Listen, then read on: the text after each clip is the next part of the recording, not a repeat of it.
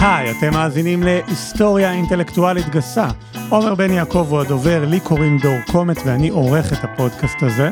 אתם הולכים להאזין עכשיו ללקט של שמונה פרקים מהעונה החדשה. לא הולך להיות איזה כל כך סדר או היגיון מסוים, אבל מצד שני כל העונה הזאת היא בלאגן אחד גדול, וגם הפרקים עצמם הם בלי איזה center, יש שם משהו לא מוחזק. כל מיני נקודות שעולות לאוויר ואין מימוש, אנחנו לא, אנחנו לא מסבירים את זה בסוף, אנחנו לא מגיעים לנקודה. בכל אופן, עומר, מה הסיפור של הבן אדם הזה, על מה הוא מדבר, מה קורה לו שם בראש, אין לי מושג, אבל אני ממש נהנה להקשיב.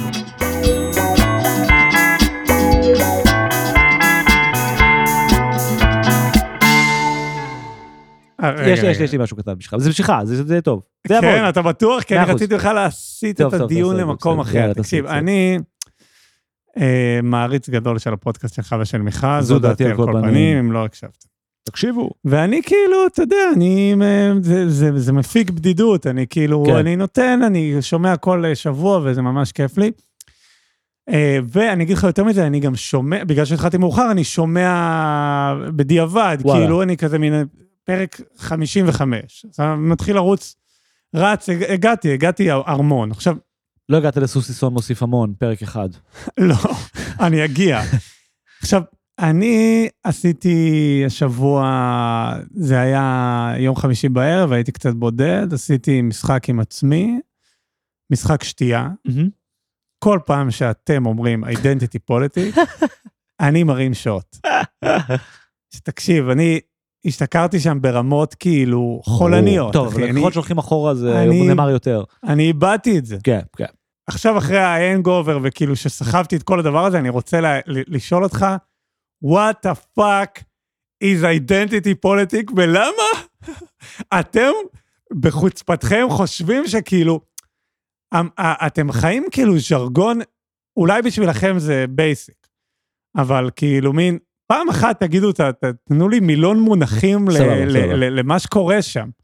אתה, אה, בוא, בוא נניח שנייה שאתה כאילו התכונן, אה, עברת תהליך התפתחות תקין ככאילו בן אדם ליברל, חילוני, בעולם העכשווי. אתה נגיד מגיל צעיר מבין שהומואים זה בסדר, שאסור לשנוא הומואים. שזה שמישהו רוצה להזדיין באופן מסוים או לחיות עם מישהו אחר זה לא בעיה. אתה גם באיזשהו מקום מפנים בשלב מוקדם שאם היית בן אדם, היית צמחוני. ואם היית ממש מוסר, מוסרי היית טבעוני. אנחנו, אנחנו יונקים מער, מערכות אתיות מסוימות ל- לאורך זמן. וחלק מהזהות שלנו כ- כאנשים ליברליים זה שאנחנו נגיד לא אוהבים לאומנות. אנחנו לא חושבים שלהיות פשיסט ישראלי זה רעיון טוב. אתה מסכים עם זה? מסכים. באמת, זאת אומרת, אפילו ההורים שלך, זאת אומרת, אפילו ההורים, ההורים שלי, כאילו, המרכז הישראלי שעשה צבא ונלחם במלחמות, לא חושבים ש, שצריך להיות הרבה מעבר לפטריוטים. אין בעיה להיות לאומי, להיות בעד הלאום שלך, אבל להיות לאומן זה גרוע, נכון? נכון. לאומן היא סוג של זהות, זהות פוליטית. לאומיות ולאומנות היא בגדול הפרדיגמה או המסגרת שבו פוליטיקה, במובן הכי בסיסי, מתממשת ב-200 שנה האחרונות. התפיסה השמאלנית העמוקה, ההיסטורית, מתנגדת לזה. זה התפיסה המרקסיסטית. היא מתנגדת ללאומיות, היא אומרת, לאום, המדינה, היא המשך של הקפיטליזם בדרכים אחרות, המד- המדינה קמה, זה בזה אנחנו גם ניגע קצת, ונגענו קצת בעונה הקודמת, קמה בשביל להגן על דבר אחד, והוא קניין פרטי, שהוא האבן יסוד של הקפיטליזם. ויש מדינות בשביל לוודא שלא נגנוב לאחד השני דברים, ויהיה Mhm. אפשר מסחר. למה אני אומר לך את כל זה? כי היום אנחנו בעידן שהשמאל מציב או מציע מודל אחר. הוא אומר לא אוניברסליות, לא פועלי כל העולם, לא כל מי שאין לו דירה יתאגד ביחד ויהרוג את מי שיש לו דירה, אלא משהו אחר. ועכשיו אתה תסביר לי מה זה הדבר הזה. מה זה הזהות הזה? זה זה מה שגורם לכל הבית זונות באיילון, next thing you know, אימא שלי, סלפי בקבוצה המשפחתית, אני נני ננה נני ננה, נפלתם על הדור הלא נכון? לא, אז זה לא, האמת שזה לא מה שהתכוונתי, מה שהיית אמור להגיד, זה בתמורה לזה, השמאל היום מציב מסגרת זהותנית. זהות. אם אתה להט"ב. להט"ב זה דוגמה לפוליטיקת זהויות. אתה עכשיו קשור לכל שאר הלהט"בים באשר הם. טבעונות. בכלל אפשר לחשוב על אוכל, כן? על הטרנדים של אוכל, כן? אני טבעוני. טבעוני זה זהות, כן? אני לא טבעוני, אבל אז אתה אומר, next thing you know, סדרה זולה בנטפליקס עם טרנסג'נדר שהוא... אני, אנחנו כבר שם המון שנים, זה בדיוק העניין. ושאלת אותי, מה הייתה השאלה ששאלת אותי? מהי פוליטיקת זהויות? הנה, הסברתי לך עכשיו מהי פוליטיקה של זהויות. היא עולם שבו השמאל חושב שהמפתח לפוליטיקה היא מפתח זהותני. אני אמור להזדהות כ... I'm a black, I'm a person of color in America. I'm a asexual, transgendered person of uh, Southeast, Southeastern descent, כן?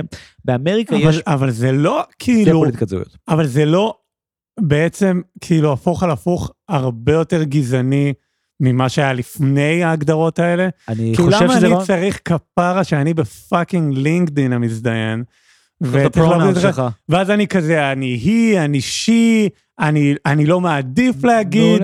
אני אה, אסיאתי, אני לבן, שנייה, זה אחר. מעצבן אותך? זה מעצבן אותך הדברים האלה? גם אותי זה עצבן. לכן עשיתי פוד, פודקאסט שמסית נגד זה. זה בדיוק הנקודה. אני ומיכל מנסים, ואני במובן הזה, זה, זה, אני אנסח את זה בצורה הכי ישירה שיכולה להיות. אני מנסה להביא לישראל, דרך הפודקאסט שלי, שיח שנקרא dirt bag left, שמאל מטונף. והשמאל המטונף, שהבן אדם היחיד שאני חושב שמדבר בשפה הזאת בישראל קצת זה ניסן שור, ויש עוד פה ושם קצת אנשים, אבל ה-dirt bag left הוא שמאל אנטי זהותני, אנטי woke, אנטי PC. אני חושב נגיד בהקשר של טרנסג'נדרים, הנושא הטרנסג'נדרי הוא נושא נורא מעניין, כי בעצם קרתה מהפכה בפוליטיקה של מגדר ומין, מהפכה מבורכת וסופר חשובה. ואני, והדירטבג לפט הוא לא אנטי טרנס, כן? כל בן אדם יכול וצריך להזדהות ולחיות איך שהוא רוצה. It's just not politics. זה לא שאלה פוליטית. השאלה, האם לחברים שלי שנמשכים לאנשים מאותו מין יש או אין זכות לאמץ ילדים, או להתחתן, איננה סוגיה שאני מקבל כסוגיה פוליטית. פוליטיקה עוסקת בכוח ובכסף, ולא עוסקת בזיונים שלי. האם גם לזיון שלי יש מימד פוליטי? 100% יחסים בין גבר לאישה או בין גוף חדיר לגוף נחת... בטח, יש מלא פוליטיקה במין. אבל it's not politics. וה-identity politics ומה שאני ומיכל מדברים נגדו הוא בדיוק המקום הזה שבמובן הזה צודק אנחנו מחוברים לשיח שכנראה הרבה אנשים לא אבל אני מחובר לשיח השמאלני האמריקאי אני בקשר עם המון שמאלנים באמריקה. והנושא הזה נגיד של איך ה pronouns שלך ואיך אתה מזדהה ואיך אתה מציג את עצמך ואם בן אדם אה, צריך להתייחס אליך בזה שאתה באמת מפה מהפרספקטיבה שלי נורא נראה כמו גבר זאת אומרת זה ממש נראה כאילו אתה גם גבר וגם זכר והאם זה אלים אם אני מניח שאתה גם גבר וגם זכר ולא מברר איתך באופן ניטרלי שאתה בעצם לא אישה שמזדהה כנקבה. עכשיו הדברים האלה הם בעיניי זאת אומרת הכל בסדר אנשים יכולים לחיות איך שהם רוצים it's just not politics. אם אתה ילד שמנת אמריקאי שהולך להרווארד ואתה יורד לשותף שלך במסגרת experimenting מיני, זה לא אקט פוליטי. זה תהליך התבגרות שכל אחד עובר. ובאמריקה היום, ברגע שאתה מצצת לשותף שלך את הזין, ב experimentation שכל בן אדם עושה בגיל 18, אתה עכשיו יכול להתחיל להזדהות כ pansexual. ובכלל הציר ההתעוררות המיני שלך הוא לא תהליך אישי, הוא תהליך פוליטי. ובזה אני כופר. identity politics זה הרעיון שהזהות שלך ברמה אישית ואיך אתה בוחר להזדהות איתה היא דבר פוליטי וזה אני לא מסכים למה גם מהסיבות שאתה אמרת גם אני באמת מזהה בזה גם גזענות אבל זה לא מה שמפריע לי בזה מה שמפריע לי בזה זה פשוט anti politics. זאת אומרת השאלה איך ילדים מזדיינים בקולג' או עם מי אתה רוצה להזדיין איננה שאלה פוליטית. עבורך זה איננה שאלה לא, פוליטית. זה בעיני ההגדרה שלי של מהי פוליטיקה. לא, אבל אתה יוצא נגד זה כי בצד השני יש אנשים שבעיניהם זה פוליטיקה? באמריקה היום זה הדבר היחיד שהוא פוליטי.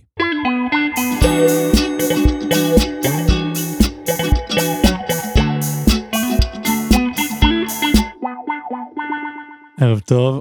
תשמע, הפרק הזה אני לא הולך להפריע. ישבנו ועמדנו בחוץ במרפסת, עשינו סיגריה, שאלתי אותך מה שלומך, אמרת לי, אחי, קיץ, הזיות. קיץ, לא מספיק דברים, אני לא... אני לא, אני עכשיו לא אמנע ממך, אחי, את הבלאגן הזה, כאילו, שמתרוצץ לך בראש. אתה, אתה, כאילו, זה, זה, מצד אחד אני מרגיש שזה זה, זה הערך, מצד שני, כאילו, כן יש איזושהי שאיפה למהלך, והמהלך הוא בכל מקרה נורא נורא נורא נורא חמקמק, ואני חושב שכאילו מין, יש, יש משהו בטכנולוגיה ובהיסטוריה של הטכנולוגיה, והיסטוריה אינטלקטואלית היא דומה לזה, שכאילו מין, באיזשהו מובן אנחנו לא באמת חושבים שלדברים יש היסטוריה. כאילו באיזשהו מובן כולנו קצת חושבים שכאילו למשה רבנו היה ספר איתו. אתה מבין מה אני אומר? ושכאילו באמת. ולא איזה מן שנפל מהשמיים, או שזה לא, לא הסיפור או, הזה. או קלף. אתה מבין? כאילו אנחנו לא חושבים שהטכנולוגיות, יש טכנולוגיות ודברים, וגם רעיונות זה ככה, שהם באמת שקופים לנו. נגיד הרעיון הזה של אינדיבידואליזם. הרעיון הזה שכל הבני אדם בעולם הם באמת אותו סוג של דבר, שהוא אינדיבידואל, וכאילו אולי יש אנשים שהם משכילים יותר, משכילים פחות, אולי אנשים שמטומטמים, אולי יש רעים, אולי יש תרבויות שנורא משפיעות עלינו, אבל בגדול we're all the same kind of person. אז זה, זה, זה רעיון די חדש, באמת, זאת אומרת זה רעיון די די חדש, כאילו מין בגלל זה אנחנו כל כך קשה לנו להבין את הגזענות של פעם, כי אתה אומר למה הייתם גזענים, כאילו כולנו אותו דבר, ואז אתה אומר כן, אם אתה חי בעולם שלא כולנו אותו דבר אז מאוד קל להיות גזען, כאילו, אתה לא, נגיד, אף אחד לא אומר שאתה גזען כלפי כלבים, כי אתה אומר זה לברדור, וזה פודל, נכון? זאת אומרת, אתה מקבל את זה שיש כאילו סוגים שונים של כלבים, ואתה לא אומר, אחי, זה, אל, תהיה גזען, אל תגיד שזה דוב, כאילו, אתה לא יודע מה זה, ואתה אומר, לא, זה, זה דוב, אחי, אני רואה שזה דוב, כאילו, כתוב, אנחנו בגן חיות, כתוב דוב, כאילו, זה לא, זה לא גזעני. ודובים אוהבים להתגרד עם הגב על העץ, כאילו, כמו בלו, כאילו, זה לא נחשב הכללה, כן? עכשיו, כאילו, הרעיון הזה שבני אדם, הם כולם בני אדם, והם לא חלקם חיות, זה דבר שלקח זמן להבין אותו. כאילו, היה צריך להתגבר על הגזענות במובן לא רק הטכני של כאילו, בוא ניתן לכולם את אותו זכויות, היה גם צריך להתגבר על זה במובן הזה שלקח זמן להבין שהאנשים הם אותו דבר. כי אנשים לא היו אותו דבר במובנים מסוימים. כאילו, ו- ו- ואני חושב ש- שיש משהו נורא נורא נורא, כמו שאמרתי מקודם חמקמק, אבל כאילו מן אנשים בעצם בלב חושבים שזה תמיד היה ככה. תמיד היה ככה. ואחד מהדברים שקיוויתי לדבר עליהם ככה זה, זה הספר ומה הספר כאילו נתן ואיך הוא שינה וחשבתי לעשות את זה באופן תרבותי אה, דרך שם הוורד אתה מכיר את שם הוורד? ספר בטח כן, אני מניח ספר, אבל כן.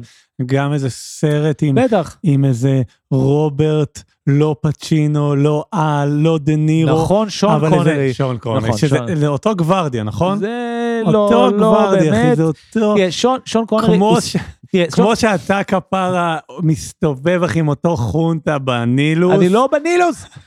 זה ברור שאתה כאילו, אתה אומר ככה היית- שון קונרי ואל פצ'ינו ברור, בילו? זה ברור שאתה היית כאילו בילדות בתיכון עם ארי אספרי, דיברתם נכון. אחי, עשיתם אה, אה, פוסטים נאצה בפייסבוק, אה, וגם היית עם המתופף של בום פעם, ועכשיו אתה פוגש אותו בזה, הכל כאילו מתכתב. אתה צוחק עליי שאני ברנג'אי, אבל זה לא אותו, לא, זה, אין לזה קשר, כי אל פצ'ינו וכל השחקנים שאתה מנית הם כולם שחקנים אמריקאים מאוד מאוד איכותיים, ושון קונרי, בשונה ממה שאנחנו חושבים, הוא בגדול כוכב אקשן, שהיה כוכב אקשן רוב החיים שלו בג'יימס בונדים, ואז הצליח כמו אריק שרון למתג את עצמו מחדש כשחקן איכות בעודו מבוגר, ואחד מהדרכים שהוא עשה את זה, זה גם השתתפותו בסרט הנפלא שם הוורד, מבוסס על ספרו המטורף של אומברטו אקו, אה, שבעצם עוסק ב, ב, ב, ב, בנושא שנורא דומה ל... כאילו מה שקצת נגענו בעונה הקודמת שהיא בעצם מה קורה כשמתחיל uh, מתחיל להיעלם העולם הישן של הכנסיות ונכנס עולם חדש של מדע ורציונליות. אני מרגיש פשוט שמשכנו הרבה זמן כאילו, ו- וכדאי שיהיה פתיח רגע, אבל כל מה ששמעתי ממך, גם מהשיחה במרפסת וגם עכשיו, זה מין כזה, אחי, קיץ הזיות, שון קונרי הוא בעצם ליאם ניסן. נכון בדיוק הוא הרבה יותר אז אל למה. ליאם... בואנה, אתה יודע שליאם ניסן גם כאילו עכשיו דפק, הוא לא דפק את ה vibe הזה, אבל הוא, הוא השתתף באיזה פרק של אטלנטה. וואלה. אז זה כאילו האריק שרון שלו. כן כן קצת זה כמו כזה כמו ניקולס קייג' הוא כבר כאילו מין נהיה כאילו זה כאילו זה כבר over ironic אתה מודע לתפקידך כ-B actor כי כאילו מין מישהו שעושה חרא כמו קיאנו ריבס גם היה לו מין איזה vibe כזה וכאילו כן אבל כן זה גם אותו move אריק שרון אתה מנסה להלבין את הדימוי שלך לעת זקנה השאלה אם אנחנו גם נצטרך לעשות את זה? אלא אם יקנצלו אותנו קודם.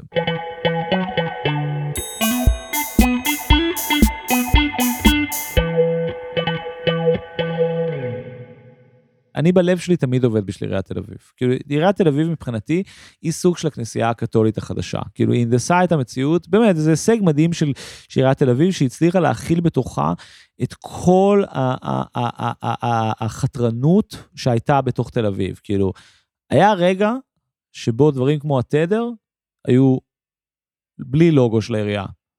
אתה מבין? והעירייה הייתה באה ונותנת להם דוחות.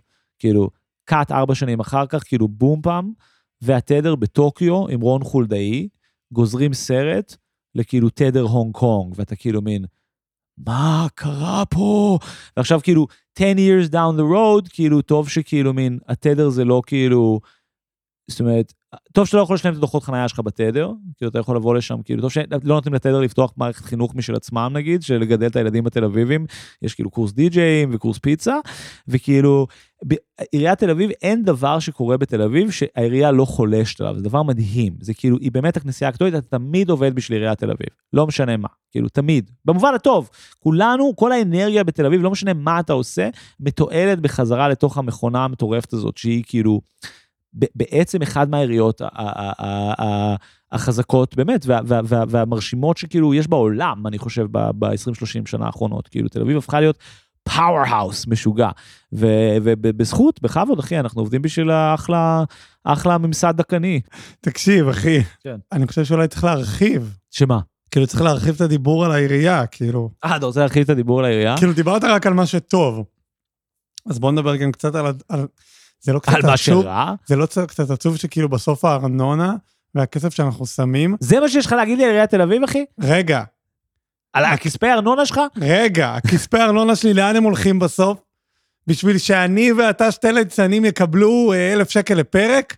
זה, 아, זה, זה אוקיי, unheard of. לא, לא, לא. זה, ואם זה... יש אותנו, אז תחשוב כמה יש פסלים, אה, אנשים עומדים לא, ככה, לא, לא, לא, לא, פסלים תקשיב, דוממים בהבימה אתה- באיזה, באיזה יום חמישי בערב, או... אתה או, צודק וטועה. או כאילו, כאילו, בוא נחזור לאוריינטליסטים, כן. אחי, הפאקינג אוריינטליסטים, שבטח גם קיבלו מימון, אחי, של הזה, של המרכז בכרם התימנים, next thing you know, הנילוס הבא, אני מרגיש מודר, אתה, לא- אתה, מה, שאתה, כוסיות רעות בפנים חמוצות. מה שאתה לא די, מבין, די. מה שאתה לא מבין, זה שהבעיה עם עיריית תל אביב זה קורה במשהו, ב- ברמה אחרת לגמרי. זה הרבה יותר מזכיר את הכנסייה הקתולית. כאילו, בגלל שהם המסגרת המטאפיזית שמנהלת את כל החיים פה, אז כל מה שלא טוב בחיים שלך הוא באשמת עיריית תל אביב.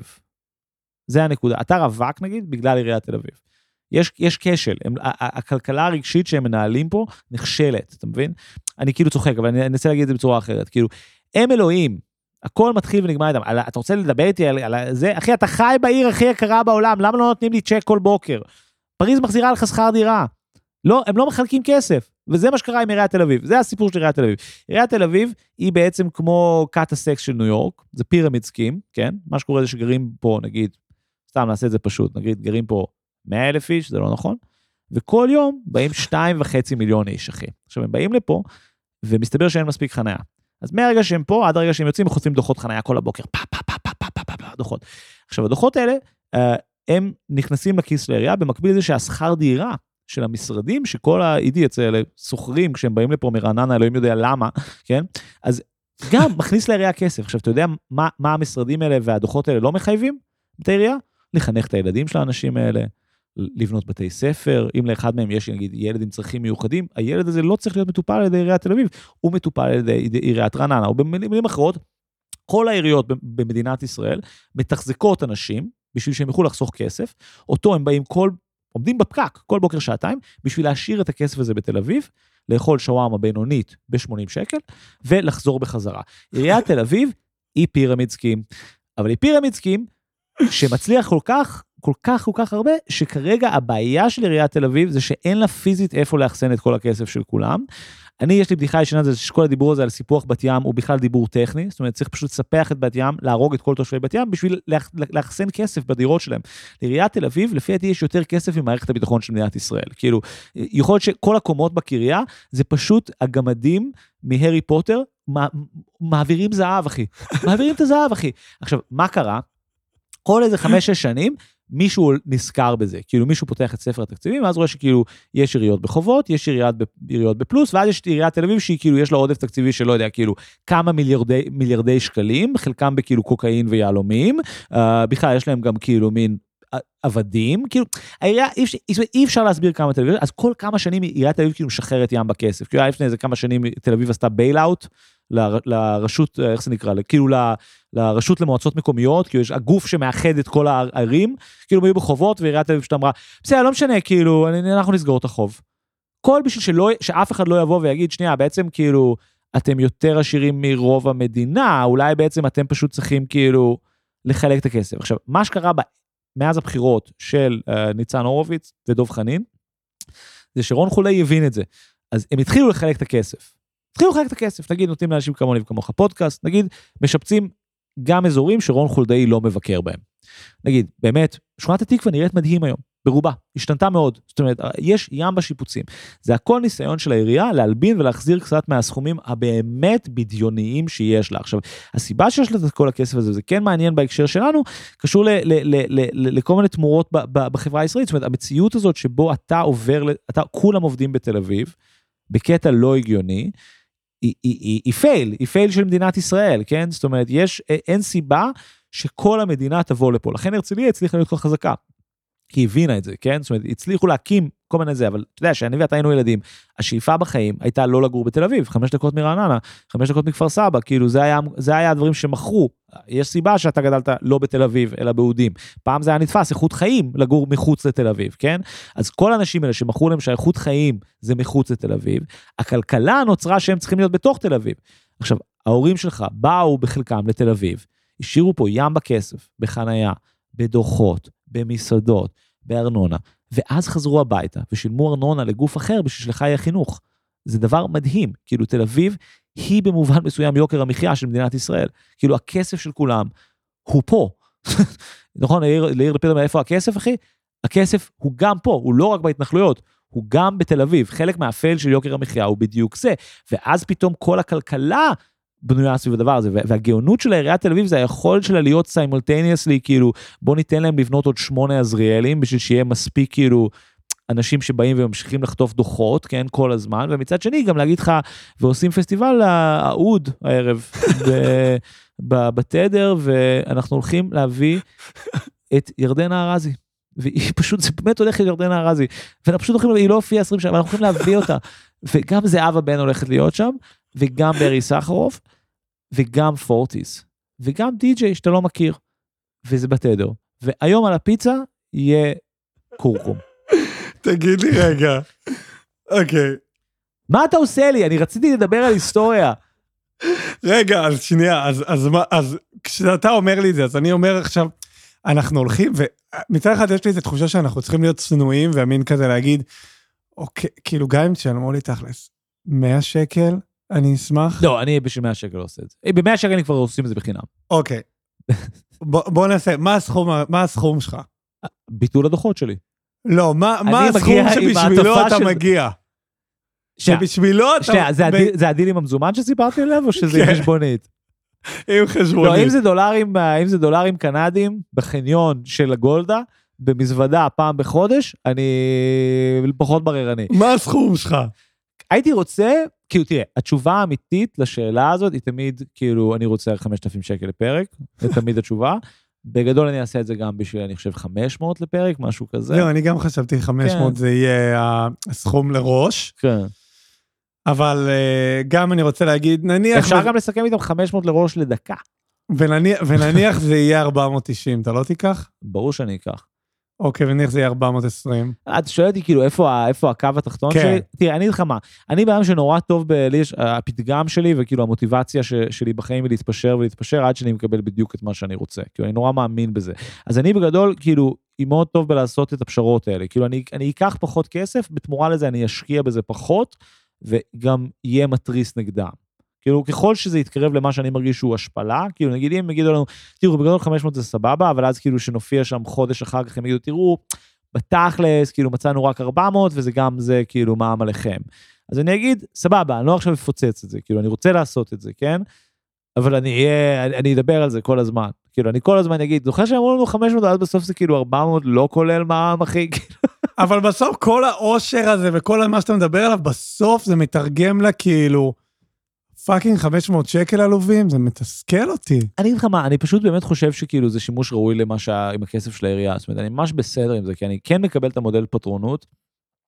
כמו שאם לצד כל הבדיחות והזה, אני גם ממש בסדר עם מה שקרה בתדר, כן? אני חושב שזה דבר כאילו מגניב ומבורך שתל אביב הצליחה לייצר גם אה, איזשהו סוג של מוסד קולינרי תרבותי, שיצר סביבו ecosystem, כאילו יש ים בסטודיו שם, ויש שם כאילו מין דבר, וזה, וזה חוזר על עצמו. אני גם ממש אוהב את פארק המסילה, כן? כאילו, יש מלא דברים שאני אוהב בעירייה. אה, אה, רק אני אגיד, מה שאני לא אוהב בעירייה זה התחושה הזאת שכאילו מין, באמת מרוב שיש כסף, הם כבר סתם עושים דברים. דיברנו על זה בפוד לאחרונה, בפוד זו דעתי על כל פנים, שכאילו מין, אתה, אתה רואה אותם בונים דברים חדשים, ואז מפרקים אותם בגלל דברים חדשים אחרים. לדוגמה, סיימו לבנות את פארק אליפלט, פארק מהמם, סיימו אותו לבנות אותו לארבע, לפני איזה 4-5 שנים, ועכשיו פירקו אותו בשביל הרכבת הקלה. עכשיו, אני, אני לא מבין. לא, אני לא מבין, כאילו לפני 4-5 שנים שאישרתם את התוכניות האלה, לא ידעתם שיש רכבת קלה, ידעתם, אז מה, איך זה קורה? כאילו, אתה אומר, זה קורה כי יש להם כל כך הרבה כסף שזה לא משנה. אתה יכול לבנות את כל הפארק, ואז לפרק אותו, ולבנות אותו מחדש אחרי רכבת, באמת כי מדובר בשתי מחלקות נפרדות, והכל ממש סבבה.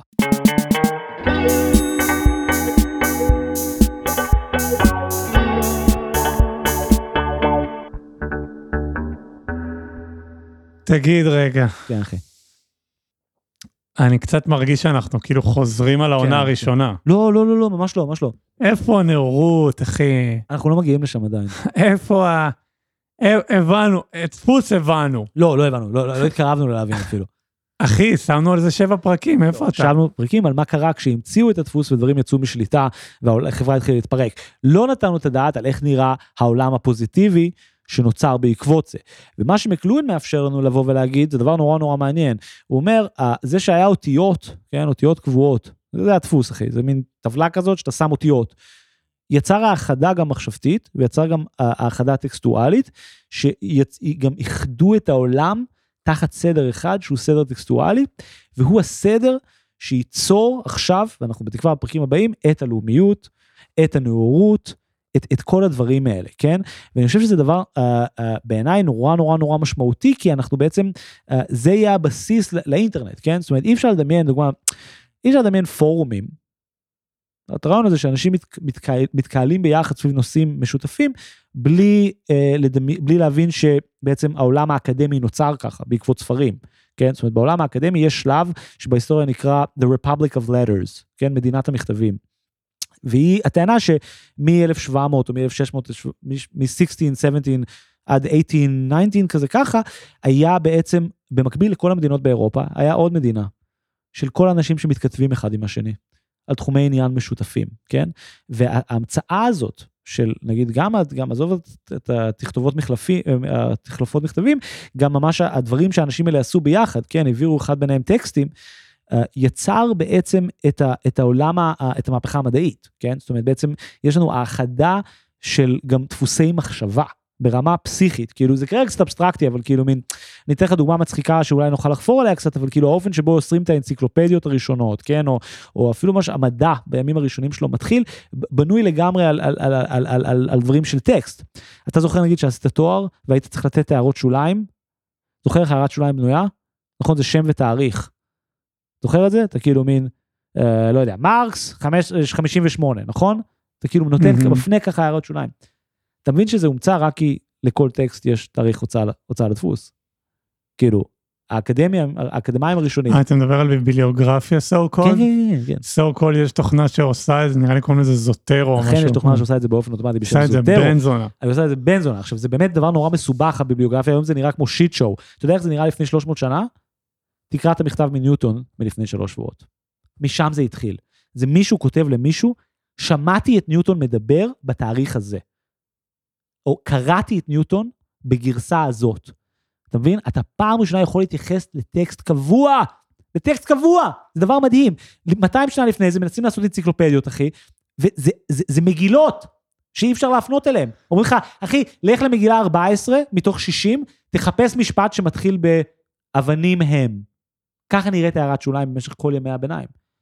כי אין, אין דפוס, אי אפשר לקבע דפוס, אי אפשר לקבע עמוד, אתה מבין כמה זה דפוק? אבל תקשיב שנייה, אני מרגיש, ותקן אותי אם אני טועה, עונה ראשונה הייתה כאילו פסימית, איך אתה אוהב להגיד שיט שואו, שיט שואו את the fuck factory, כן. שהולך להיות פיסט פאקינג כל בוקר בפייסבוק, כאילו, על חזון אחרית המלחמה, פשיזם חוזר, אה? שמעת על זה? אז אתה כזה כן. את זה, כאילו כל הגגים הזה, ועכשיו אתה נכנס איתי לעונה של כאילו חיובי, טרילילה, לאומיות, הכל טוב, פורום ננה תפוז מדבר על אה, זה. מה, מה, לאן נגיע? תדבר איתי על, אה, על אה, קבוצת פייסבוק שישי שפירא, אה, מוכרת בחיים לא. דל הודי. אה, אה, המהלך של העונה הזאת למישהו יש כיוון לגונג, צריכה לך תונה, דבר שקראתי. אה, תקשיב, מה, תקשיב, צריך ללכלך את זה, אחי. אי אפשר שזה יהיה בחיובי, אנחנו באנו כאילו ל... זה לא, זה אמור להיות היסטוריה אינטלקטואלית גסה. אני, אני חושב שכאילו מין, שוב, יכול להיות שזה כמו עם מלחמת 30 שנה, אנחנו בגלל שאנחנו לא מצליחים להגיע לתוכן עצמו, אז יש לזה, זה כאילו נשאר בממד המטאי, אבל כאילו מין, אני, אני כן יוכל לספר לך דוגמה, אחד מהדברים שניגע בהם בהתחלה זה, ה, ה, ה, ה, נקרא לזה, ה, ה, הספרים הראשונים שבאמת יוצאים, או הניסיונות הראשונים באמת לעשות אה, ספרות אינטלקטואלית, כן? ו, ו, ומה שמגלים בתוך הדבר הזה זה שכאילו מין sex sells, כן? נגיד דידרו, הבן אדם שכותב את האנציקלופדיה הצרפתית הענקית, לפני זה עושה כאילו מין מחזות זימה עם סאבטקסט כאילו פילוסופי שובב. כן? בשביל פשוט להצליח למכור, כן? והדבר הזה הוא מעניין כי זה מגה מסבך אותו עם המשטרה בצרפת. ובכלל, התופעה הזאת שיש כאילו מין אנשים כותבים, היא תופעה שמשגעת את העולם, כאילו באיזשהו רגע, כאילו מין, אין עבודה כזאת, אתה מבין? אין עבודה של כותב בעולם הזה, זה די מעניין, כאילו אין לנו עיתונים, כאילו יש אנשים שהם אולי מצליחים לעבוד אצל המלך ככאילו ראש המו"פ, ואז גם הם משאירים ים במכתבים מאחוריהם, אבל כאילו אין ג'וב של כותב, כן? אז כאילו מין, הדברים האלה בעיניי זה מלוכלך, כן? דידורו היה לו, כאילו המאהבת שלו מימנה לו את כל הספרים, אחי, וכאילו מין, בשביל לכתוב את האנציקלופדיה הם הביאו את ה... הם רצו שהיא תהיה כאילו down to earth, אם תרצו שיהיה ממשית, אז הם הביאו את ההוא שמדפיס את האנציקלופדיה, אשכרה אתה כאילו את הקוף שעובד בבית דפוס, אמרו לו, אחי, תכתוב את הערך על דיו. הוא אמר להם, מה? להם, תסבירו, הם אמרו לו, תסביר לנו מה זה דיו, אנחנו עושים אנציקלופדיה גם על החיים עצמם, תסביר לי מה זה דיו, איך זה עובד, אתה מבין? הם כאילו מין, ופעם ראשונה, בן אדם שהוא כאילו לא בהכרח אינטלקטואל משתתף בתהליך היצירה של הידע. נשים, מבקשים מנשים לכתוב ערכים, כל מיני דברים כאילו נורא רדיקליים ושמבחינה הם סופר דרטי, כן?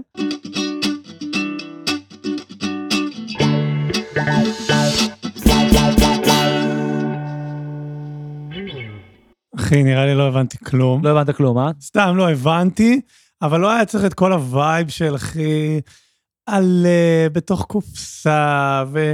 ו... ו... ו... ו-the vibe is off, אחי, וקיץ, לא, וכאילו, זה, זה נורא... אחי, הזיות. לא, לא, אבל זה בדיוק העניין, כי כאילו מין... אתה שאלת אותי לפני פרק או בעוד פרק, תלוי באיזה סדר נשדר את הדבר הזה, מתי אם האנשים האלה עשו רוק אנד רול, וכאילו מרשל מקלוהן הוא בן אדם שבאמת עשה ים ברוק אנד רול, ועוד דוגמה לבן אדם שעשה ממש רוק אנד רול ב sixties, וגם ב-70's, זאת אומרת בעצם אני חושב שהוא חי גם עד לפני לא המון זמן, זה אומברטו אקו, הבן אדם שכתב את, ה, את שם הוורד. עכשיו, היכולת של, של בן אדם שהוא בגדול מין פילוסוף, אומברטו אקו היה פילוסוף אינטלקטואל, הוא גם באמת היה סופר נורא מצליח מקביל לזה, אבל הספרות שלו היא בעצם ניסיון לתת דרור ולממש את, ה, את, ה, את ההבנה, את התובנות ההיסטוריות שלו, שהם בדיוק vibe מרשל מקלוהן, זאת אומרת, הוא היסטוריון של ימי הביניים, ו, והוא בעצם רואה את החדירה של הרציונליות לתוך השדה הזה. כאילו, הדוגמה של המנזר מול שון קונר היא נורא יפה, היא נורא עשירה, היא מאפשרת לנו להבין הרבה דברים. לדוגמה, אין אינדיבידואליזם במנזר. כל הנזירים הם איזה מקשה אחת שאמורים לפעול ביחד. לאנשים לא אמורים להיות אינטרסים אישיים, או יצרים אישיים, אבל יש להם. ושון קונרי רואה את זה, הוא מבין שיש יחסי כוח, ואנשים רוצים דברים שונים. והוא מבין את זה דרך זה שהוא בעצמו בא ומתבונן. והוא מתבונן והוא מפעיל את הדעת שלו על, על, על, על המרחב הזה, הוא מסתכל בצורה הגיונית על הרצח. עכשיו, זה כאילו נורא שקוף לך, אבל תחשוב שבעולם שבו אין מדע, ויש לוגיקה דתית, אתה, אתה, אתה מאמין, אתה מאמין למה שאומרים לך, אתה מאמין שאומרים שכל הנזירים אחים, אתה מאמין ש, ש, ש, שאין יחסי פוליטיקה ביניהם, אתה מאמין שאף אחד לא היה רוצה ברעתו של האח פבריציוס, אבל זה לא מה, נכון. אבל אחי, מה זה שונה כפרה מהיום שאומרים לי, היום היום זה חשוב ללכת לקפלן. כבר חצי שנה כל אומרים לי, היום זה היום הכי חשוב. ואתה מאמין שכאילו הם הרעים, בשמחה. ואנחנו הטובים, וכאילו, וגם אני, אתה יודע, אני הולך לעצמי, נניח סתם, אתן לך דוגמה, כן. אני די מנותק, סבבה, לא רואה חדשות, לא זה, הדברים מגיעים אליי, הרגשתי ש... במוצא שזה היה יום חשוב ללכת לקפלן, לא יודע, אחי, אולי זה ה FOMO מהאינסטגרם, ה HRית השווה מוויקס שמעלה תמונה, נילחם לנצח, ולמעלה השטג. אה, נפלתם בדור הלא נכון, למעלה Wix life, כאילו, יום אחרי מעלה תמונות, אחי, מהיוגה, שאני כבר, אני כאילו מין לא מבין, אני לא מבין, זה כאילו מחאה שלכם. אתה יודע שהפורט סעיד שובת היום? באמת, הפורט סעיד שובת, כהזדהות עם אה, כן? המחאה, אמיתי, דבר אמיתי. אוקיי, אז סבבה. זה דבר מדהים בעיניי. ואז אני הולך, ואז אני כאילו מין אה, הולך שם וזה, ומתהלך לי שם בקפלן, וקצת מרגיש כמו איזה משחק כדורגל, כן. וכן, זה כן עושה לי משהו. ברור, זה מרגש. ואז עולה ל- לנאום אה, דיסקינט? דיסקין, יובל דיסקין, כן. בלי ט- בסוף. דיסקין. דיסקין. הוא עולה, ופרקטיקלי אני הוא אתרגם את... קצת דיקסקין, הוא אה, קצת נראה כמו בולבול. זה- אני- אתרגם את מה הוא אמר, אוקיי? אני פשוט אתן לכם את הסוף. זה מין כזה. שלום כולם. אני עכשיו רגע אתן פה נאום שאני אגיד לפחות 17 פעם את השם המלא שלי.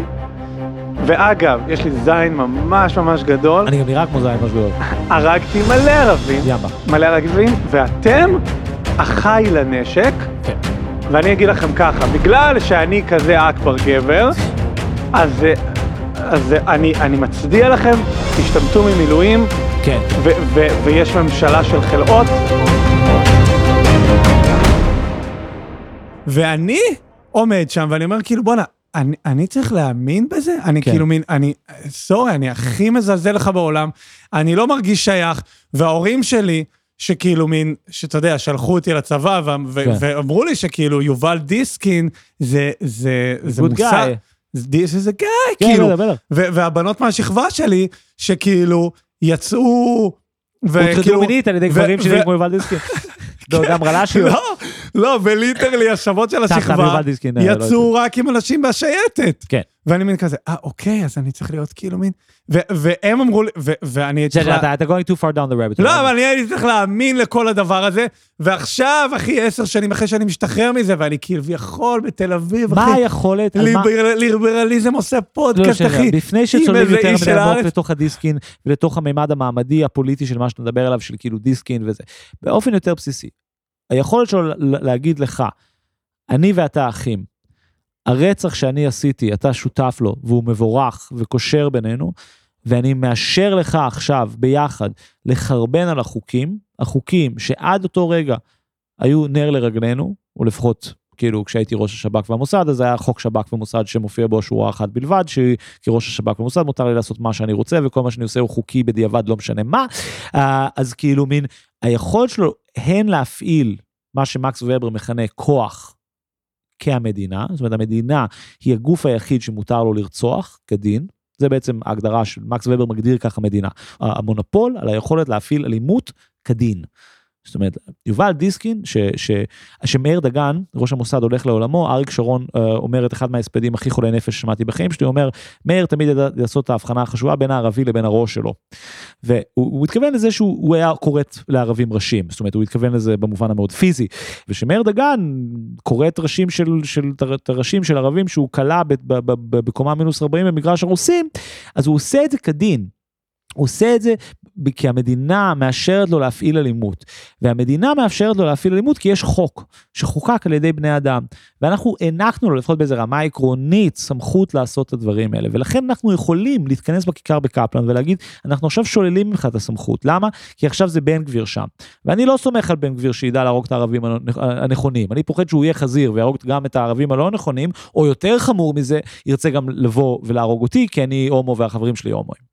ולכן אנחנו כגוש אזרחי יכולים לקחת את הסמכות מהממשלה. אני מאשר לכם, כנציג לשעבר של הריבון, לשים זין על החוקים.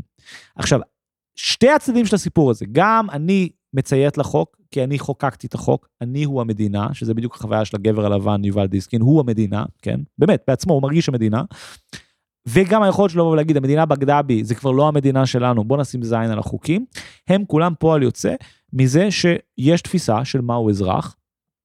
התפיסה של אזרח אומרת, לכל בן אדם יש את הזכות, את היכולת אה, לחוקק לעצמו חוקים, לחוקק לקהילה שלו חוקים, וביחד כשכולנו מתכנסים אנחנו יכולים לקבל החלטות משותפות רציונליות, להלן דמוקרטיה. וכשאנחנו מקבלים את ההחלטות האלה, הן מחייבות, כי כולנו חלק מהאירוע הזה וכולנו שווים. זה מציאות מאוד שונה, כמו ששמענו בעבר, ממלך שמחליט שמהיום אתה צריך לתת לו את כל תפוח אדמה השלישי. ככה, ככה. ולפעמים לא לוקחים מכולם את תפוחי- תפוחי אדמה, זה אקראי, כן? וזה מציאות מאוד אחרת ממציאות שבו אתה חושב שאנשים שהם משוודיה, שגבוהים ממך במטר וחצי, הם סוג אחר של בן אדם. ואתה באמת חושב שהם ברברים. לא בצחוק ולא בקטע ערכי, אתה לא אומר הוא ברברי, אתה אומר זה, הוא, מבא, הוא בא מברבר, הוא ברברי, הוא לא מדבר את השפה שלי, הוא פסיכופת, יש לו עגיל באף, הוא שתי מטר, והוא לא מאמין בישו, ויש לו ארבע נשים. זה, זה סוג אחר של חיה ממני. זאת אומרת, אני והוא לא יכולים לחלוק מדינה, אנחנו בטוח לא יכולים לדבר אותו שפה, בטוח לא לקבל אותו החלטות. כי אין קשר, אנחנו different types of people. כאילו הוויקינגים שמגיעים, פולשים ללינדס פארם בשנת אלף לשם הדיון, כן? הם מופיעים כחיה אחרת מהנזיר הבריטי השמנמן. זאת אומרת, הם שתי סוגים אחרים של בהמות. והחיבור בין הרגע הזה לרגע שיובל דיסקין עומד ואומר, אנחנו הרוב, אנחנו, אנחנו... אחראי לנשק! אחראי לנשק. מי אתה? מי אתה? מי אתה, אחי? הוא הנציג, זה בדיוק הדוגמה הכי יפה לזה. יובל דיסקין הוא הזיקוק, האידיאל של האזרח במובן המערבי. הוא גבר סטרייט, משכיל, שמוכן להילחם, אבל גם יודע לקרוא, ובכלל קורא הרבה. ומקבל ופועל באופן רציונלי, והוא באופן רציונלי לגמרי חושב שצריך עכשיו להפציץ את עזה, ובאופן רציונלי לגמרי הוא חושב ששווה לטוס לפריז לעשות משא ומתן עם יאסר ערפאת, בו, בו, בו זמנית. ומה ש, שתיאודור רוזוולט אומר, uh, speak softly but carry a large club, כאילו, ת, דבר בעדינות אבל תחזיק מקל גדול ביד. זה ממש התפיסה שמניחה את התפיסה ליחסי החוץ של אמריקה. ויובל דיסקין הוא, הוא, הוא הבן אדם הזה שמממש את זה. כל אלה שעברים האלה, גם אהוד ברק, הם כולם מין אנשים כאלה, שזה בדיוק מה שאומרים, הם, הם, הם, הם, הם האזרח האידיאלי, במובן הזה שהם גם כאילו מצייתים לחוק, משרתים בצבא, נותנים הכל, אבל הם גם סינגולריים, הם אינדיבידואל. יובל דיסקין יותר טוב ממך, לכן הוא מנהל את השב"כ, לא אתה. אתה יכול לשלם לו ולהגיד תודה. על זה בסוף היום, ואולי גם להצביע לו כשהוא יקים מפלגת בוגרי השב"כ 2, uh, uh, בסוגריים, לא הקליקה שגרה בכוכב יאיר, כאילו, אתה מבין, איזה תת נישה של הזה. ו- ומה שמקשר את הדברים האלה הוא בדיוק מהפכת הדפוס, ההיסטוריה של הספר והגוטנברג גלקסי במובן היותר רחב, כי הגוטנברג גלקסי, והתהליכים הכלכליים שהספר דוחף ויוצר, וה- והשינוי הארגוני החברתי, שארגון הידע, שמעבר הידע מהכנסייה, לכדי השוק הפרטי ולכדי uh, בעצם העולם הגוטנברג גלקסי הזה בשלל תצורותיו, יוצר את כל הדברים שנדרשים בשביל זה. אחד זה יוצר אינדיבידואל. זה יוצר בן אדם שיכול להגיד, אני ואתה אזרחים שווים, אנחנו חושבים באותו צורה. זה יוצר את הדפוס מחשבה. אנחנו יכולים להיות רציונליים, כן? שנינו מבינים איך צריך לסדר את האותיות, שנינו מבינים איך צריך להפיק ספר, שנינו מבינים שלטענה יש התחלה, אמצע וסוף. אנחנו מדברים בשפה משותפת לא רק במובן הטכני, יש לנו גם פסיכולוגיה משותפת.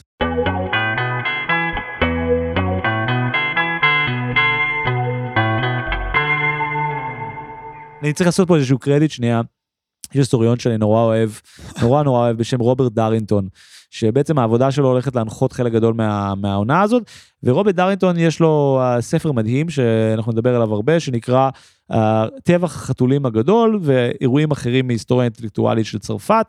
זה ספר מדהים שעוסק בעצם באיך איך הפיקו את האנציקלופדיה הצרפתית ואיך בעצם התרבות הדפוס חדרה לצרפת, הניחה את התשתית למהפכה הצרפתית והובילה לזה שבסוף עורפים למלך את הראש. זה ספר מדהים. אני, ל... אתה כאילו, אני לא יודע למה, כן. אני בפרק הזה ב vibe כאילו... vibe איזה אוף אחי. אני בפרק הזה ב vibe של למשוך אה, לכיוון ה... לכיוון הגנרלים, בזמן שאתה אתה, אתה אמרת לי, אחי, כן. אתה צללת ל rabbit hole. כן. אז בוא אני אלמד אותך מושג, אני, זה מושג שאני המצאתי, ו, וטוב שזה יהיה בפודקאסט הזה, כי זה יהיה תיעוד. אתה חשוף למושג הרבין הול? הרבין הול? לא. רבין הול. אהבתי מאוד. כן. זה, אני לפני איזה שנתיים, שלוש, נכנסתי קצת לענייני, אה, הכרתי איזה חבר שהוא היה מאוד ב, בקונספירציות שיט, וכל פעם שהוא היה מדבר איתי, אמרתי, כאילו, היה תמיד אומר, פנוס רצח את רבין, כן, כאילו, כן. זה, כולנו יודעים כן. את זה. ומאז כאילו אני, זה נתפס, הבנתי. אז אני כזה, זה הרבין הול. הבנתי, מעולה. אז עכשיו אני אומר, מעולה. אתה מדבר איתי... לא, הכדור, בחור של הכדור, בנאום של רבין, אה. לא מקופל, אחי, אבל הפתק היה מקופל, איך זה יכול להיות? הם עוד ארבע חורים, אחי. צד ימין וצד שמאל. יש לי סיפור נורא מצחיק שחבר שלי, אה, אבא שלו, סיפור אמיתי, אבא שלו אכל איזה עוגת חשיש שהוא שכח במקרר, והם כאילו קלטו את זה בזמן אמת, ואבא נכנס למקום כאילו, כאילו מין, אתה יודע, אתה משאיר עוגת חשיש או עוגיות חשיש במקרר, בתוך קופסה שכתוב עליה לא לאכול, ואז אתה כאילו יוצא למטבח, ואתה רואה את אבא שלך מחזיק את הקופסה והיא ריקה. אתה אומר לו, אבא, למה אכלת את זה? ואז הוא אומר, למה אכלתי את מה? ויש לו כאילו פירורים על הזקן. וכאילו היה שם תשע עוגיות חשיש, ואתה מבין מה הולך לקרות. ותוך חצי שעה אבא של החבר שלי כאילו מין באיזה מצב זה, מזמינים לו אמבולנס פה אמיתי. ואמבולנס לוקח אותם מהבית שלהם במרכז תל אביב לאיכילוב, והאבא כאילו moving in and out of ההכרה, ובאיזשהו שלב הוא קולט שהם כאילו חוצים את איבן וירול והם בארלוזורוב. והוא מתחיל לצעוק, אל תיקחו אותי מארלוזורוב, זה הדרך שלקחו את רבין. אתם הולכים להרוג אותי, תיסעו דרך דוד המלך. בזמן ההפגנה לא יכלו לקחת את רבין דוך מכיכר רבין עד איכילוב, כי היה חסום, יכול חסום בהפגנות. אז עשו סיבוב, נסעו עד גן העיר, וחזרו דרך ארלוזרוב ובאו מאחורי איכילוב דרך ויצמן. וההוא בתוך הטריפ של החשיש רק צועק לילדים ולמה אל תיסעו דרך ארלוזרוב, פה הרגו את רבין, פה השב"כ הרג את רבין.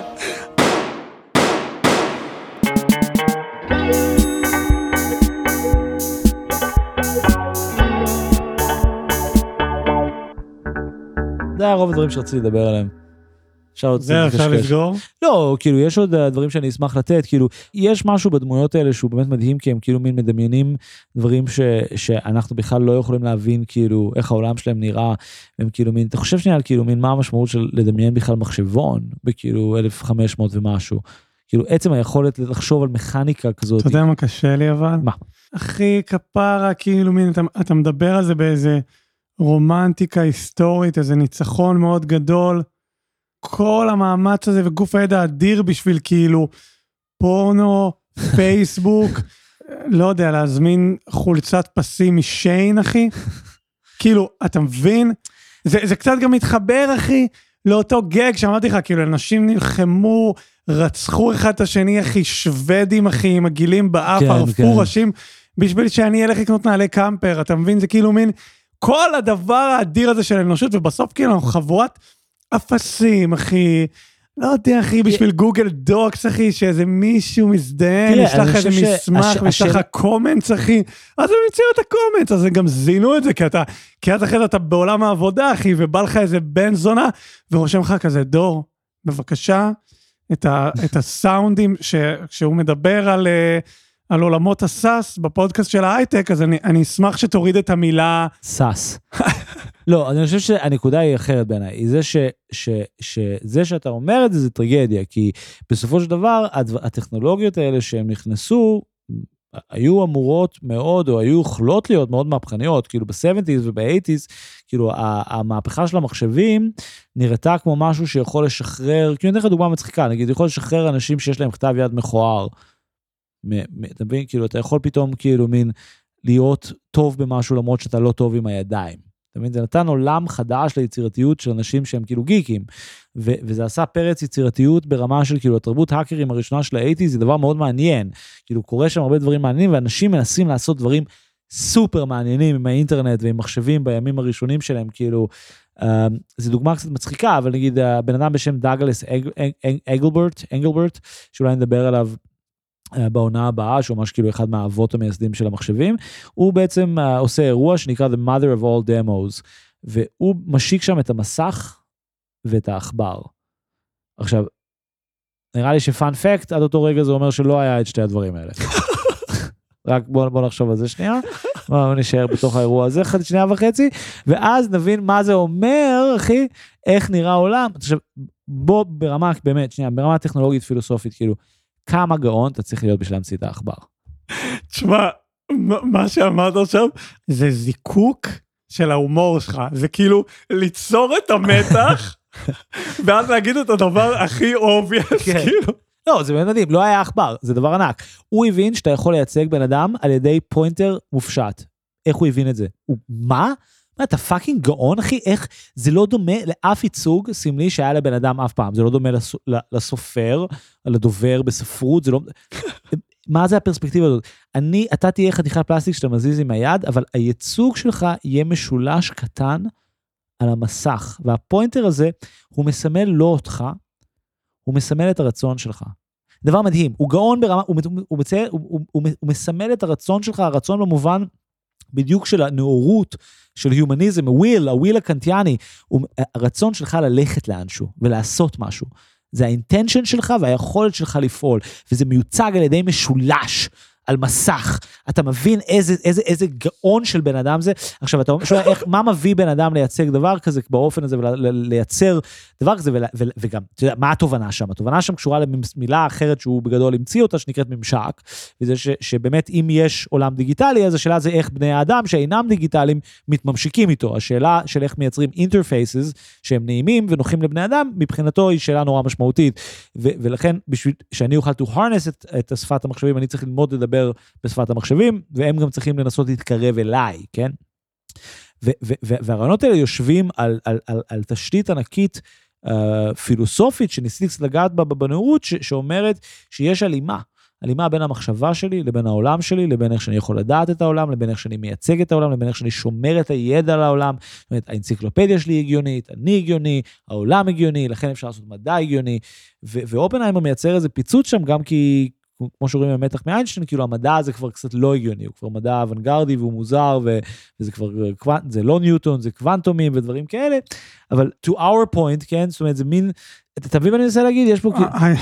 אני הכי מנסה, אני מבין, אבל אנחנו שוב חוזרים לזה שאתה מראה את זה באיזה רומנטיקת על, בזמן שלא נעים לי להגיד עכשיו בקול רם, אבל אתה יודע, מה אני היום עשיתי באינטרנט? היום הזה. אני רמזת על זה לאורך היום. לא, מה אני עשיתי היום באינטרנט? אני חיפשתי... הגבת לגוגל דוקס ונכנסת לאתר פורנוגרפיה, אני לא יודע לא. לאיזה צורך. לא, לא, לא נכנסתי לאתר פורנוגרפיה, יותר נמוך מזה. אני בדקתי בגוגל, מי זו עמליה דואק. וגיליתי שכאילו... אתה מבין שפעם היית צריך ללכת לספרייה, או לפעם בכלל לא היית נדרש לשאלה הזאת, כי לא היית יכול בכלל לקרוא עיתון ולא היית מבין שיש דיבור על בן אדם. במובן הזה האינטרנט בנוי, זאת אומרת, נגיד הפורומים, כן? הפורומים ממשיך באיזה רמה טיפשית, כן? זאת אומרת, את, את, את, את, את. את הזירה שכאילו אפשר לחשוב עליה כהסלונים של המאה ה-18 וה-19, מין הסלונים האינטלקטואליים שאנשים באים ומדברים, וכאילו מין יש איזה אחרי שכולנו קראנו מדע בבית 100 שנה, אנחנו יכולים עכשיו לבוא ולתת את הטענות שלנו ואת הדעות שלנו, ולימים אנחנו נערוך גם עיתונים על זה.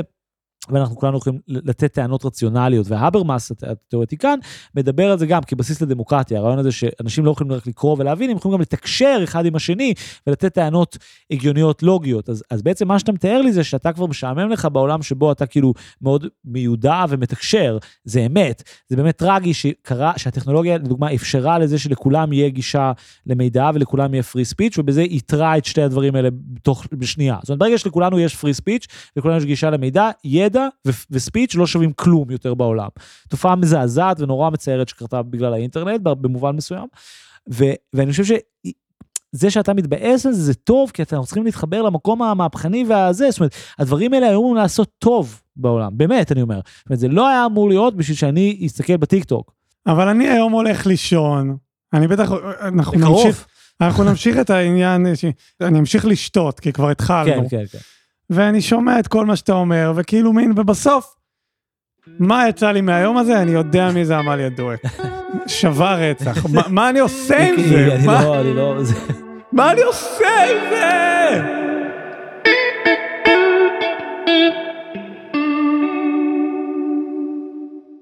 נמשיך במחוזות הטריפ, כן. אני רוצה לשמוע את דעתך על, וגם אולי, אתה יודע, תן לי קצת פלפל, ו...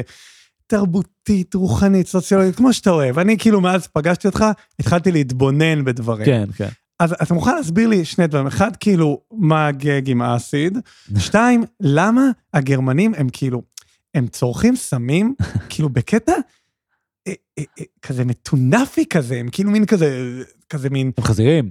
כן. שוויין, אומרים בגרמנית. וזה גם, וזה גם באיזה, כאילו מין, בקטע תרבותי, כאילו, אתה מין כזה, סופש, אז, אז עכשיו סופש ועכשיו אנחנו מאבדים את זה. בדיוק, זה קשור לוויד ולניהול של הוויד ולניהול של היצר, כי אני חושב שהגרמנים, בכלל כל התרבויות הפרוטסטנטיות באשר הם, הוויסות של היצר, הוויסות של הנהנתנות הוא, הוא מאוד מאוד חזק.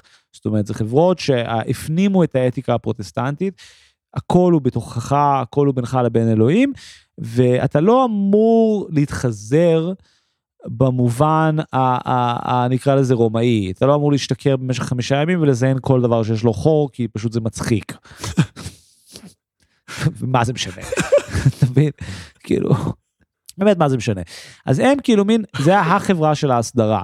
אז כאילו מין יש את הזה, ומתחתנים, וטה טה טה, ואתה עובד קשה, ואם אתה עובד קשה, אז אתה מצליח בעסקים, אם אתה מצליח בעסקים, אז יש לך כסף, אם יש לך כסף, אתה יכול כאילו לעשות טוב בעולם. ופשוט אתה גם ממש רוצה לאונן. וצריך לווסת את, הדו, את, את המתח בין הדברים האלה, וזה קצת מסובך. אז אתה כאילו בסדר, זה כאילו פתרנו את זה באיזשהו זה, וכאילו מין איך פותרים את זה, זה המודל הקלאסי של זה, של כאילו מה שבריק ומורטי מכנים purge planet. כאילו זה מדינה עם חוקים נורא נורא נוקשים וחברה נורא נורא צודקת, אבל פעם בשנה יש יום שבו אין חוקים. המדינה, המקום שהכי רואים את זה בעולם במציאות זה הודו, שבו יש חג שנקרא הולי, שאני מת על זה בהודו. איך נקרא החג? הולי. אה, אוקיי. למה זה ההולידיי? אה, אוקיי, הולי, סבבה. איך נקרא החג? חג, פצצה. ומה עושים בחג? כי הם באמת, תשמע, הם, הם, הם האוריג'ין, כאילו, הם, הם, הם, הם הזיקוק של מה זה חברה ומה זה דת, וזה, במובן הזה הודו זה כאילו גם פי אלף יותר מתקדם מאיתנו. ומה עושים בהולי? מה שרוצים. קל. מה עושים בהולי? אין חוקים. בהולי מותר. ומה הדבר הראשון? מה, במה זה מתממש יותר מהכל? ביכולת לגעת אחד בשני. בהולי, כל אישה תגיד לך, וגם כל גבר שהיה בהודו, גם אני הייתי בתוך זה, כאילו גם אני הייתי שם, פשוט נוגעים בך. זה החג שמורחים אחד על שני צבעים. ומורחים עליך צבעים ברמה שזה לא, אני לא, זאת אומרת, מי שלא חווה את זה לא יכול להבין מה זה, אני משער שמי שהולך הרבה לאורגיות חווה דברים ככה, זה כמו, זאת אומרת, אתה, אתה, מהשנייה שאתה יוצא מה guesthouse שלך, עד השנייה שאתה חוזר הביתה, ידיים נוגעות בך. מורחות לך את הפנים, מלטפות לך את הבטן. עכשיו, לפעמים המגע הזה הוא לא נעים, אבל אין מה לעשות. ככה זה. עכשיו, אתה, אתה הולך, זה גם הודו, זה נהיה נחילים של אנשים. אתה פשוט הולך ואתה תקוע מול מישהו, אתה נוגע לו בפנים ככה, fuck, מורח, ככה. זה מה שאתה עושה שעות. עכשיו, זה גם יום שיש בו ים אלימות מינית. למה? כי זה ה-purge planet. עכשיו, ההודים במובן הזה, זה מצחיק, אבל זה בעצם נורא מזכיר גם את ההדחקה שיש בעולם המערבי. גם הם, כשהם מתפרקים, הם מתפרקים ככה.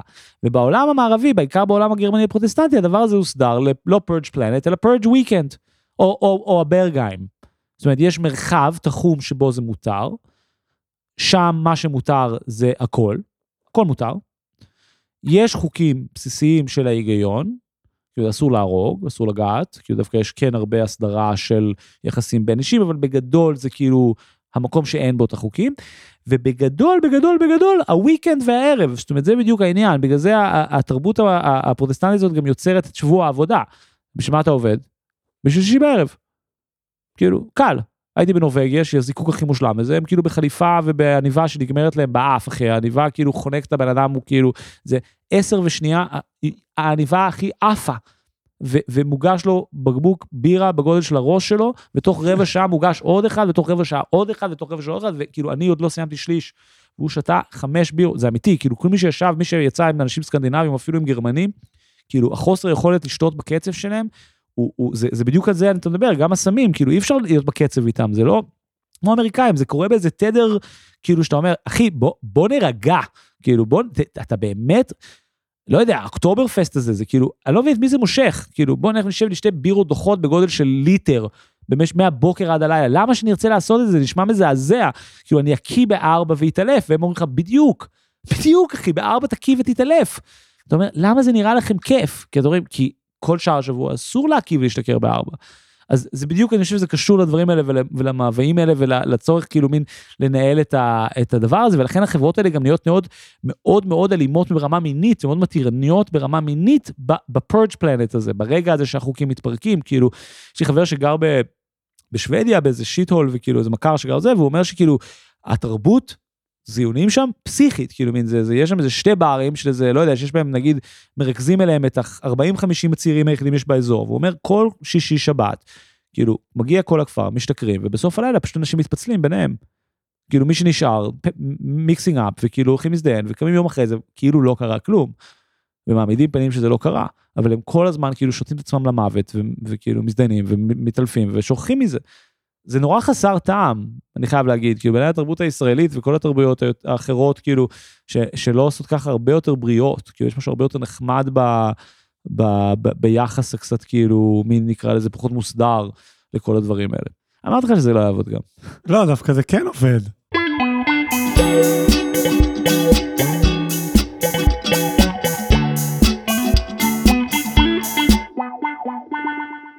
מה זה העניין עם המיסוך? הרצון כאילו למסך? כי יש משהו לא מספיק במצ... במציאות, זה, זה הרבה זמן, אני חושב, תחושה שקיימת.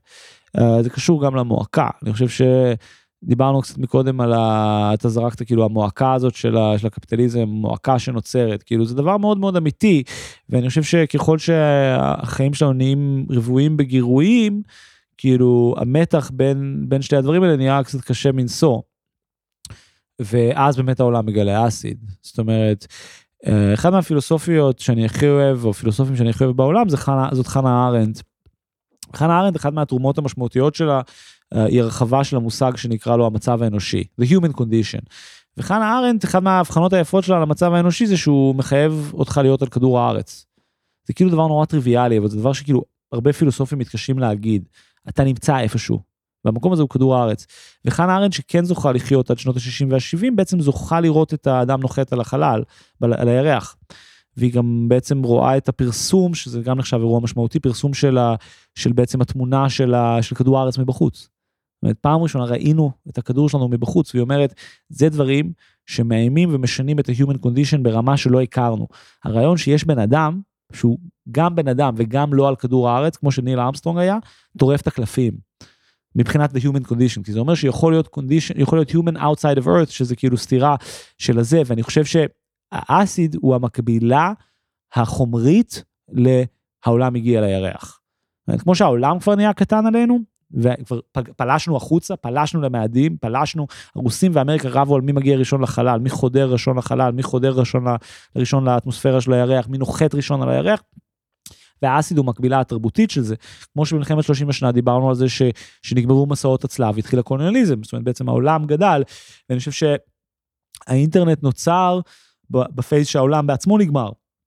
סיימנו למפות, סיימנו להבין הכל, סיימנו מין להבין את הנפש האנושית ולהבין את, ה, את המפה של הנפש ואת המפה של העולם, ועכשיו צריך לעבור לממדים אחרים, הן מבחינה מטאפיזית כאילו עם אסיד, והן מבחינה פיזית, של כאילו בוא פיזית נעבור שנייה מימד, ובוא פיזית שנייה נפרק מימדים, ובוא כאילו נעשה פצצות אטום ודברים כאלה. אז למה זה, למה, אוקיי, שמה זה מזוהה עם כאילו... אה, מוזיקאים, זה עניין של נטו שבירה, אתה שובר את החלציות שלך. ולצערנו פה זה מזוהה עם כאילו, אגב, חזרה להודו, כן. עם כאילו חבר'ה שנגזזו בצבא, ואז הולכים ועושים יום ספורט, לובשים פונצ'ו, והולכים לקורס, אחי. אה, אה, אה, בישול אצל כן, ריטה כן. המקורית בבאגסו, ויושבים עם שלטים בעברית ואוכלים כאילו פאקינג חומוס, כן, כאילו... כן, אסיד או עזה, אחי. אסיד או עזה. זה מה שאני, שיש גברים ישראלים שאתה רואה שהמבט שלהם יש שם משהו לא טוב, אתה אומר זה או אסיד או עזה. והתשובה היא בדרך כלל גם וגם.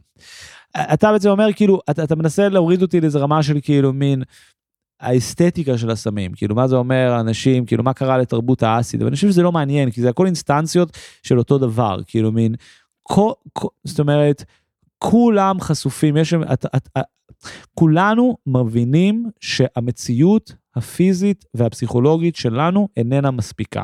אז אתה רוצה להגיד לי שהאסיד יש לו איזה מיתוג מסוים של ההוא שעושה, שכאילו עושה יום ספורט עם פונצ'ו ו, וצ'ילום, ואני רוצה להגיד, אין הבדל בין אסיד לבין ילד יפני שחי בתוך uh, Second Life או PUBG.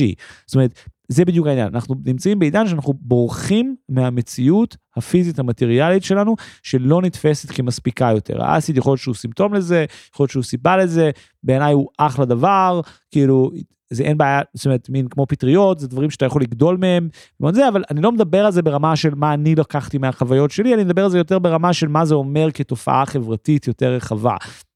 כמו שנגיד כמוזיקאי, אתה יודע להגיד, הרמונס היו תוצאה מזה שלאנשים לא היה כוח לשמוע את לד זפלין, ולשמוע מוזיקה שנשמעת כאילו מין, לקח 14 שעות להפיק כל ערוץ ממנה בנפרד, ואז פתאום שלושה טמבלים אומרים, אחי בוא נעמיד פנים שאנחנו אחים ופשוט נרביץ חזק לאללה בגיטרה וכאילו מאז כל הזמן יש את ה-back and forth הזה בין כאילו over produce לאללה לכסח רוק אנד רול וכאילו מין.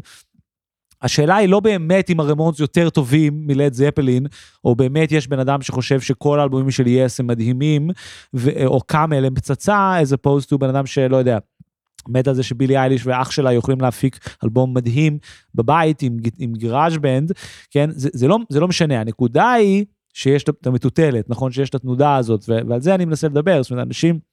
אנחנו מנסים לברוח מהמציאות שלנו כי היא לא מרגישה מספיקה ברמה רחבה יותר ואנחנו עושים את זה בשלל דרכים ויש קשר עמוק בין אסיד לבין טכנולוגיה. זאת אומרת גם הטכנולוגיה מחקה תרבות סמים הרבה פעמים סמים מחקים חוויות שכאילו בעולמות הטכנולוגיות, בכלל המון סמים הם טכנולוגיים, סמים הם כאילו מין מהונדסים, זאת אומרת, הרעיון הזה שכאילו weed אוהב לדבר על עצמו כחומר טבעי ופטריות אוהבות, אבל אה, רוב הסמים הם די, גם הגראס שאני מעשן, הוא לא טבעי. כן, זה בנה אותו איזה מהנדס שיודע לבנות מנורות, משהו מדהים, ולמד לעשות gaslighting ל weed בשביל שהוא יהיה הכי weed שהוא יכול להיות. אז, אז אני אומר, כל הדברים האלה קשורים אחד בשני. זהו, לא יודע אם זה היה ברור.